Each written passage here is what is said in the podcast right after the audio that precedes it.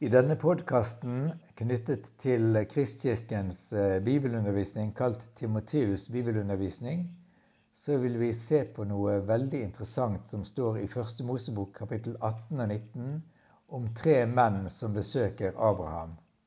Du kan også lese dette i en artikkel under Timoteus' bibelundervisning på Kristkirkens nettside.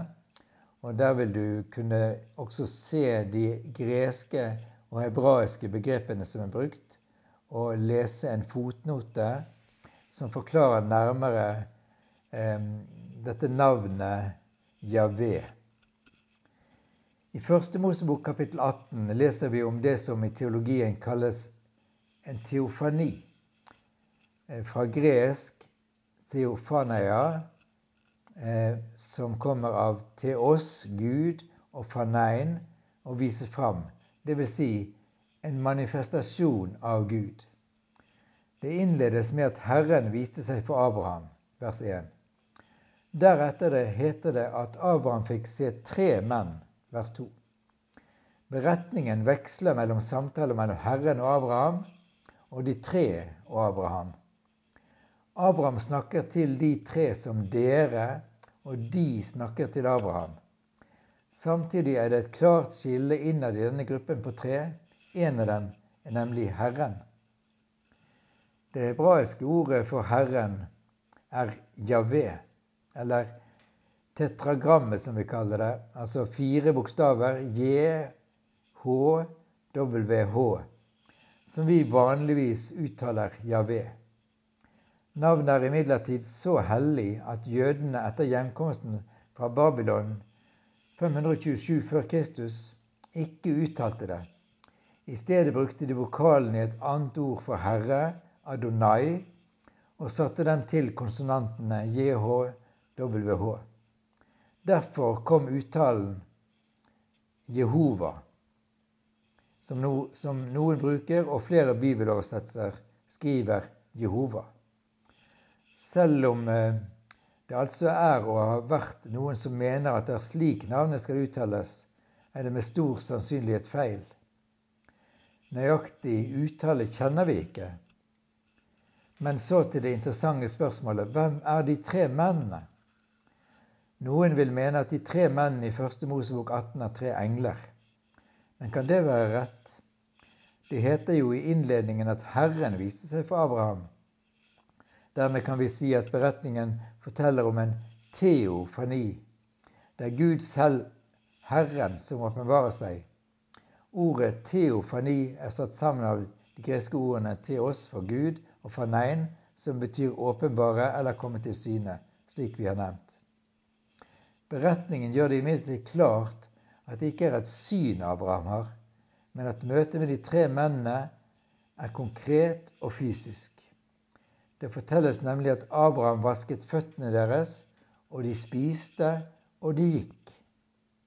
Da er vi over i neste tolkningsmulighet, nemlig at de tre mennene er Herren pluss to engler. Den tolkningen står seg svært godt i møte med resten av teksten i kapittel 18, ikke minst i beretningen om deres besøk i Sodoma. Først er det et skille i samtalen mellom Abraham og Herren, og møtet mellom Abraham og de tre. Dernest blir det en forskjell mellom mennene og Herren i omtalen av Sara. Mennene spør hvor Sara er, men det er den ene Han, altså Herren, som gir løfte om at Sara skal få en sønn. Det er også om den ene det heter skulle noe være umulig for Herren. Men så reiser spørsmålet seg om hvem Herren er. Det gamle testamentet sier nemlig at ingen kan se Herren Gud og leve. Frykten i møte med Gud er tydelig når, hos Moses når han ser den brennende tornebusken, slik det berettes i 2. Mosebok kapittel 3, og i Jesajas kallsopplevelse, Jesaja kapittel 6. Det nye testamentet sier også at ingen noen gang har sett Gud men han har åpenbart seg i Sønnen Jesus, den inkarnerte. Johannes 1, 14 og 18 og Hebrevbrevet 1, vers 1 og følgende. har vi med en kristofani å gjøre fremfor en teofani, dvs. Si at Herren i 1. Mosebok 18 er den andre personen i den treenige Gud, nemlig Sønnen. Noen tenker at de tre mennene utgjør treenigheten. Det er lite sannsynlig, for i beretningen omtales to av mennene som Guds engler. Guds sønn og Den hellige ånd er ellers ikke omtalt som engler i Bibelen. Den siste delen av kapittel 18 handler om Sodoma og Gomorra. Den bekrefter at vi har med Herren pluss to engler i fysiske menns skikkelse å gjøre. Mennene brøt opp og vendte blikket mot Sodoma, står det. Og like etter, da tenkte Herren, skulle jeg skjule for Abraham hva jeg vil gjøre? Og deretter så gikk mennene derfra, de tok veien mot Sodoma, men Abraham ble stående for Herrens ansikt. Det er altså et tydelig skille mellom mennene på den ene siden og Herren på den andre side. Det blir enda klarere når mennene kommer til Sodoma, slik det fortelles i kapittel 19. Det heter de to englene kom til Sodoma. De to englene kom til Sodoma. De to mennene er altså engler, mens han som har talt med Abraham, er Herren. De to englene er fysiske menn, ikke åndeskikkelser som bare er til stede i et syn. Lot så dem med sine øyne. Han bøyde seg for dem og inviterte dem inn i sitt hus. Lot stelte i stand et festmåltid for dem, og de spiste. De andre mennene i Sodoma hadde også sett dem i fysisk skikkelse og la planer om å ha sin vilje med dem, dvs. Si homoseksuell omgang.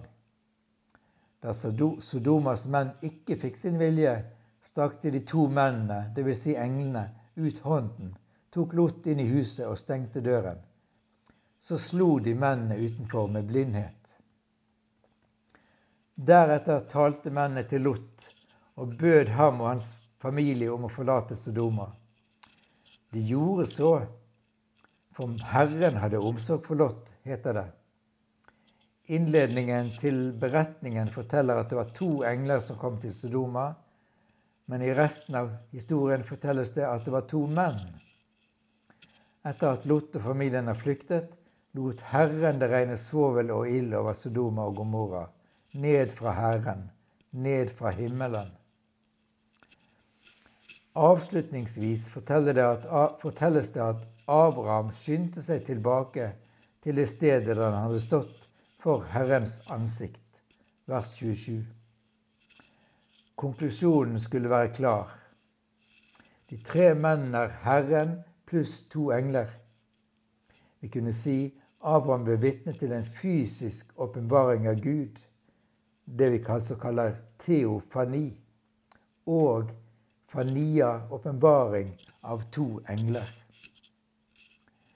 Og så Hvis du går inn på artikkelen på, på Kristkirkens nettside under Timoteus bibelstudium, så vil du finne henvisning til flere artikler til videre studium.